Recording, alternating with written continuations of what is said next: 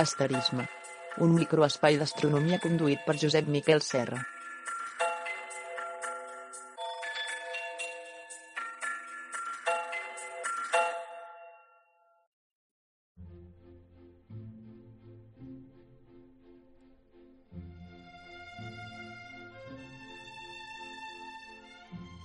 Avui parlarem de dues estrelles molt famoses, degut a la seva proximitat i similitud amb el nostre Sol. Epsilon Eridani és una estrella de la constel·lació d'Eridà, situada a uns 10 anys i mig llum de la Terra.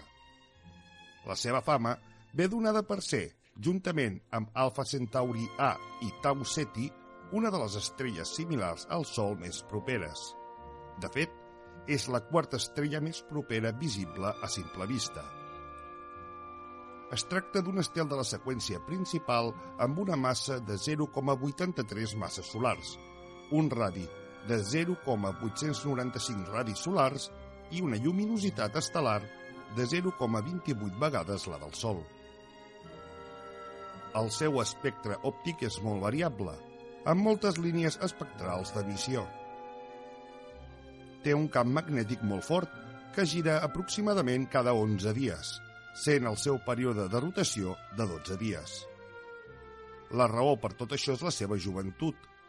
Té només 600 milions d'anys, quan el nostre Sol en té uns 4.600. Epsilon Eridani va ser, durant molts anys, l'estrella més propera coneguda amb un planeta extrasolar, fins que a l'octubre de 2012 es va anunciar la troballa avui discutida d'Alpha Centauri BB. El planeta s'anomena Aegir i va ser descobert l'any 2000. Aegir té una massa de 1,2 més menys 0,33 la de Júpiter i està a una distància de 3,3 unitats astronòmiques de la seva estrella. En la seva òrbita empra gairebé 7 anys.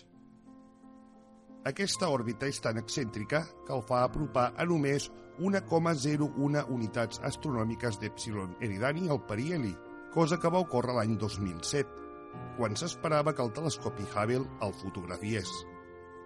Per contres, el seu afeli s'allunya fins a gairebé 6 unitats astronòmiques de l'estrella. Epsilon Eridani té dos núvols de pols, descoberts l'any 1988 i l'any 2004, a una distància similar a la del cinturó d'asteroides i del cinturó de Kuiper del nostre sistema solar. Estan en el mateix pla que Aegir, per la qual cosa sembla evident que els planetes es formen a partir d'aquests discos de pols.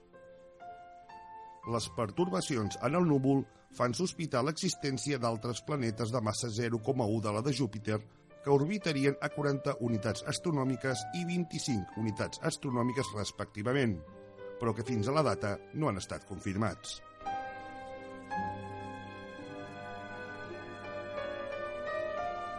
La segona estrella de la que parlarem serà Tau Ceti, un estel de la constel·lació de la Balena, situat a 11,9 anys llum de la Terra. Cetus és una constel·lació visible per nosaltres durant la tardor i l'hivern i es situa com a Eridà molt a prop d'Orió. Fa unes dècades, Tau Ceti es va fer relativament famosa degut a que és, després d'Alpha Centauri A i Epsilon Eridani, el tercer estel més proper de la mateixa classe espectral que el Sol, tot i que només té el 78% de la seva massa i el 79,3% del seu radi.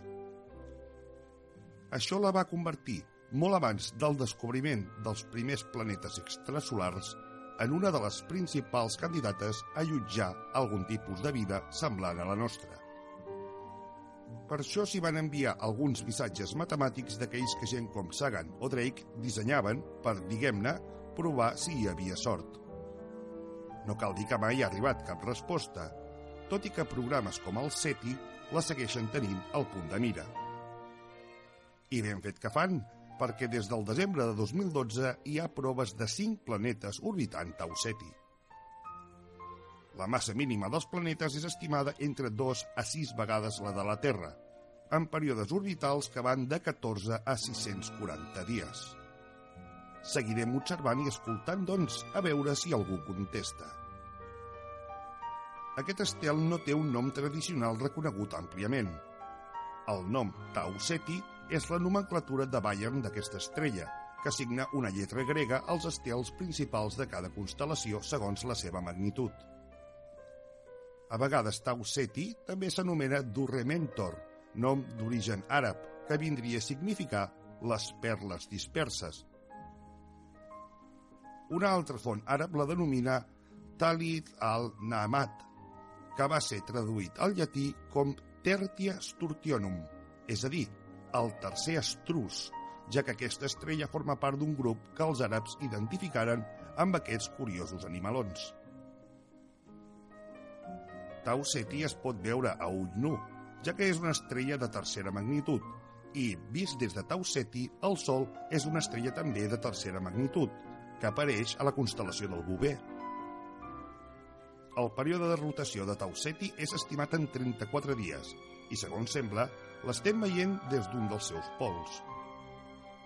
La seva lluminositat equival a poc més de la meitat de la lluminositat del Sol, així que allà, el centre de la zona habitable equivaldria a la distància mitjana entre Venus i el Sol. Una gran diferència amb el nostre sistema solar és que a Tau Ceti encara hi ha un gran núvol de pols, asteroides i cometes envoltant l'estrella, cosa que aquí afortunadament ja no passa. La major part d'aquest material primigeni fa molt de temps que va desaparèixer a base de col·lisionar amb els planetes, deixant-ho tot força net. Allà, però, sembla que no és així. Per tant, la possibilitat que els seus planetes rebin impactes com els que aquí van exterminar els dinosaures és molt més alta. Es calcula que unes 10 vegades més que la Terra. De tota manera, podem ser optimistes.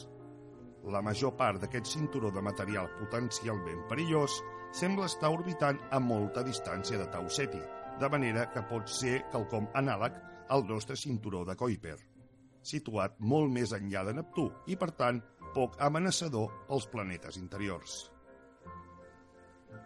Tau Ceti i Epsilon Eridani, amb els seus planetes, sens dubte seran un dels principals objectius dels telescopis del futur.